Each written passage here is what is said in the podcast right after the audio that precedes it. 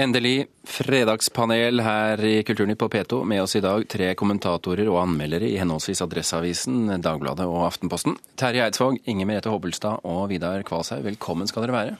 Takk. Takk. Skal vi gå rett på spørsmålene? La oss det.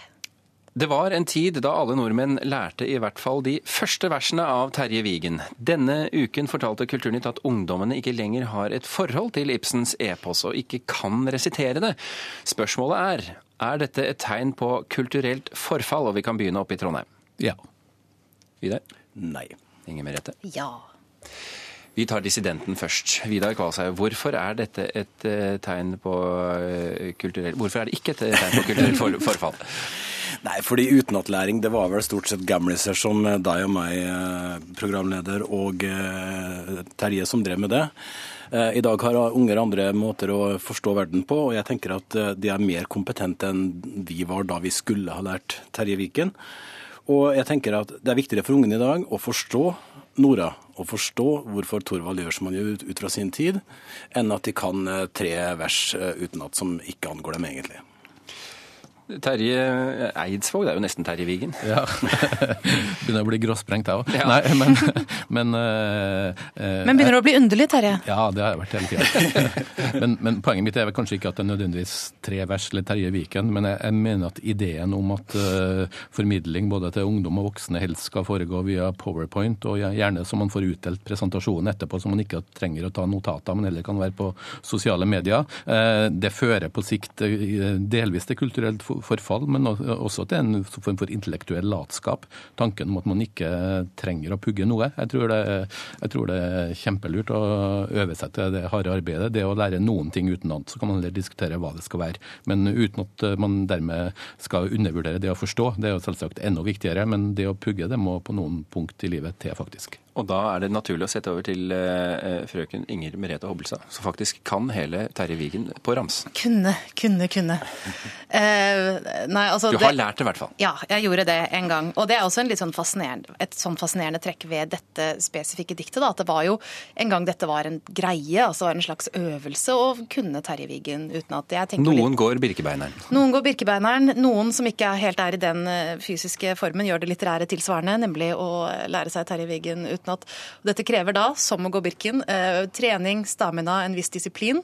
Eh, de gir helt klart en god, varm mestringsfølelse på slutten, og omgivelsene vil antagelig synes at dette da, kan da umulig være noe å mase så mye med. Og du mener altså at ungdommen bør lære seg Terje Wigen, i hvert fall noen vers? Altså, jeg har tro på felles referanser. Jeg har tro på at det finnes noen tekster, noen bilder, som man deler når man tilhører litt samme land, samme kultur, samme At det er, altså det er en relativt fragmentert virkelighet nå. Det er mye som skiller oss. Man kan velge forskjellige retninger, forskjellige kulturkonsum.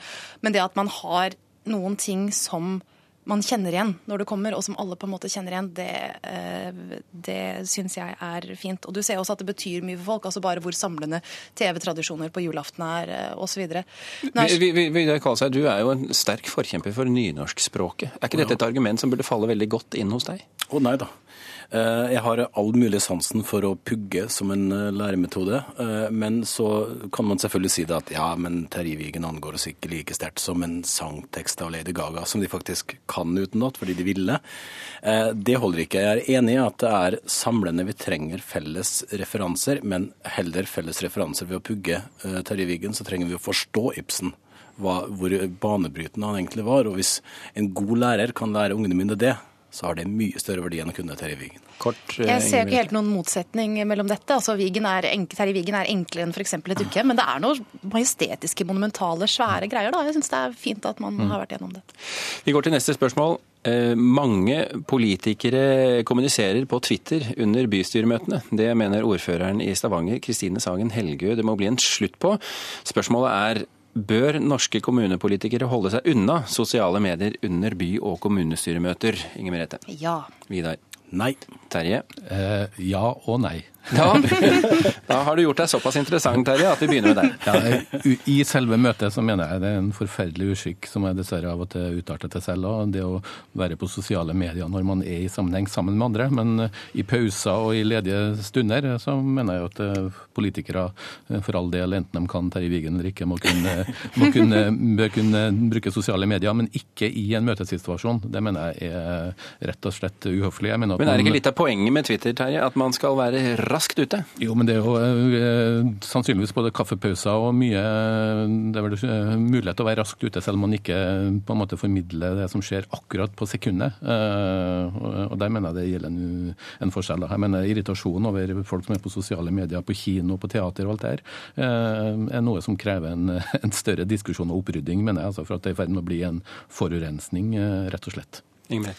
Det er selvfølgelig fint at politikere er på Twitter og er en del av den løpende samtalen som foregår der, men jeg tror kanskje de overvurderer sin egen star power en smule hvis de tror at verden sitter og sitrer i spenning etter å vite akkurat hva de mener om akkurat den ideen sekunder etter at den ble lansert eh, på bystyremøtet.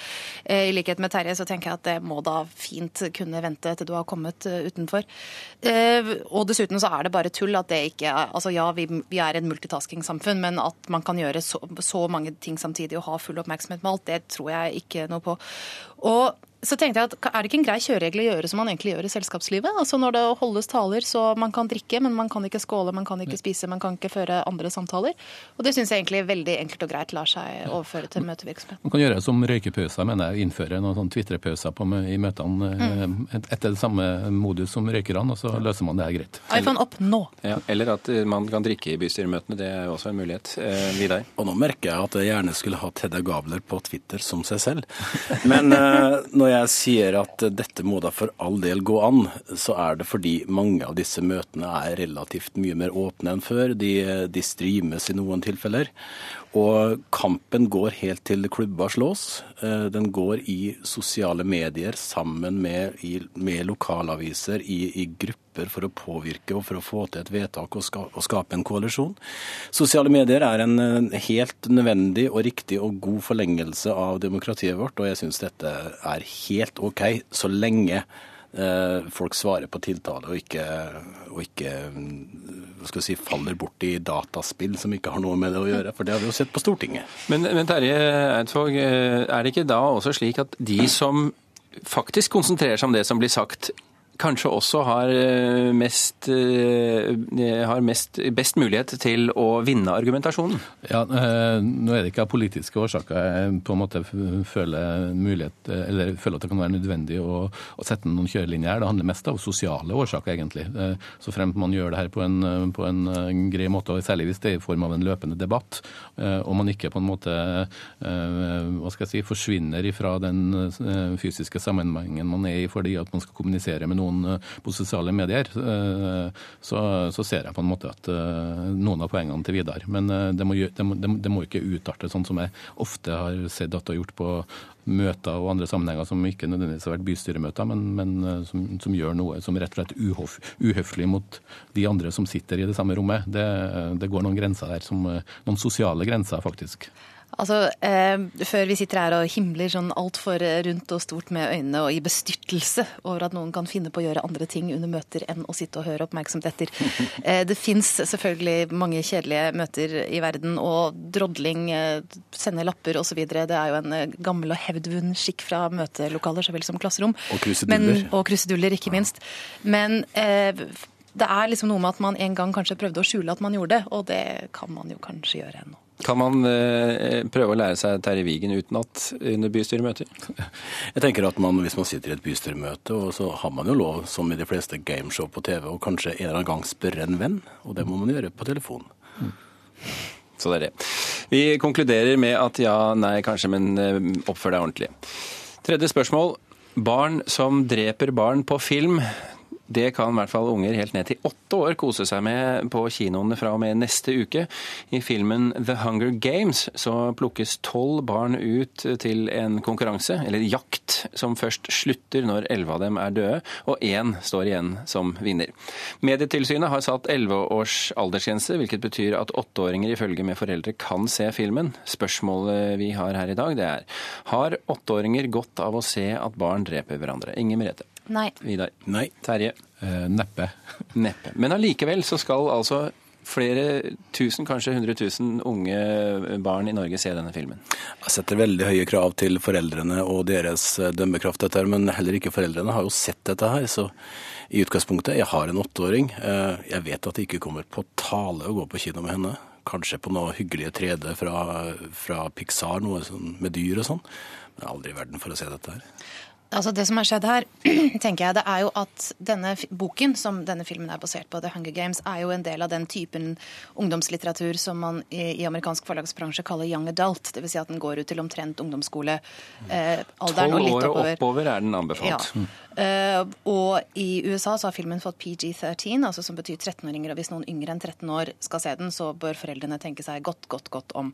Og i Norge så har du da valget til enten å gå opp til 15 eller ned til 11. Eh, og som man da må da velge hvilken, hvilken retning man går i, men å gå ned til 11 her virker fryktelig lite veloverveid. Ja, jeg er litt uenig i det. da, for Man kan jo alltid si at det vil være drastisk av foreldre å ta med en åtteåring, men uh, de her bøkene som er kjempesuksess, de er jo, har jo en målgruppe på, eh, hovedmålgruppe kanskje på 12-15 eller 13-14-åringer. og Hvis man ved å sette en 15-årsgrense skulle på en måte fraskjære 12 nei, 13- og 14-åringene til å se en, så syns jeg det også ville vært problematisk. Eh, Så her er på en måte den største eh, moralske pekefingeren går til foreldre, som må være forsiktige med å ta med seg eh, eller sende alene 11-åringer eller ta med seg yngre barn på kino. Men det, det ville ha vært et, et problem som faktor av de norske aldersgrensene, som er på en måte 11 og 15, hvis man på en måte hadde utelukka deler av de, de, de som både har lest bøkene og har et sterkt forhold til de her historiene fra før. Men så er det en side ved saken her også, tenker jeg, at film er et fryktelig autoritært medium. Eh, altså Bøker er noe annet. Der kan du styre, du kan gå frem og tilbake. Du kan se opp fra boken og se, eh, se den vanlige verden rundt deg. Altså I en kinosal med eh, lys og lyd og bilder og en historie som styrer seg selv, så kan du ikke slippe unna på samme, samme måte. Det er en mye mer direkte kommunikasjon, og det også må tas med i betraktningen her.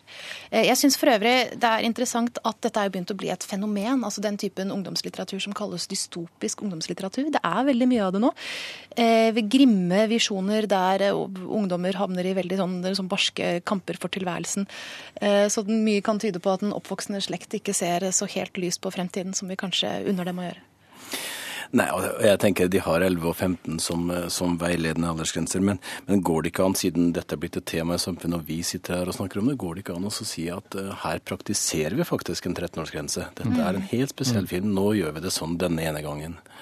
Og jeg tenker jo prinsipielt at har de sett en halvtime med Paradise Hotel, så vet de jo roughly hva dette handler om. Det er eh, like stygge menneskesyn og, og, og jaktinstinkter der. Så jeg vil jo selvfølgelig la barna mine se dette når de blir store nok. 13 år, f.eks.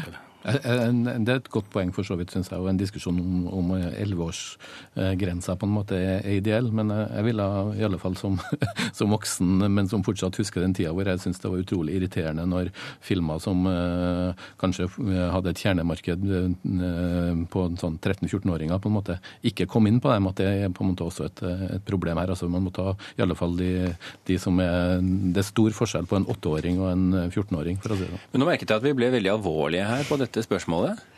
Vel, altså det er jo For å prøve å kanskje ta det litt opp igjen, så er det jo verdt å huske på kanskje at det er jo altså Når man sitter her og legger ansiktet i alvorlige folder, så har man jo, gud hjelpe meg selv, oppsøkt eh, grotesk både litteratur og filmer en gang i tiden. Altså Bare det å eh, se skrekkfilmer er jo et tenåringsrituale. Så det er jo ikke slik at vi ikke vet eh, hvordan dette er. Vi også. konkluderer med at tenåringene kan få lov til å holde på med dette, men de som er altfor små, de holder vi unna. Vidar Kvalshaug, Inger Merete Hobbelstad og, og Terje Eidsvåg på, i vårt studio i Trondheim. Tusen hjertelig takk for at dere kunne være med.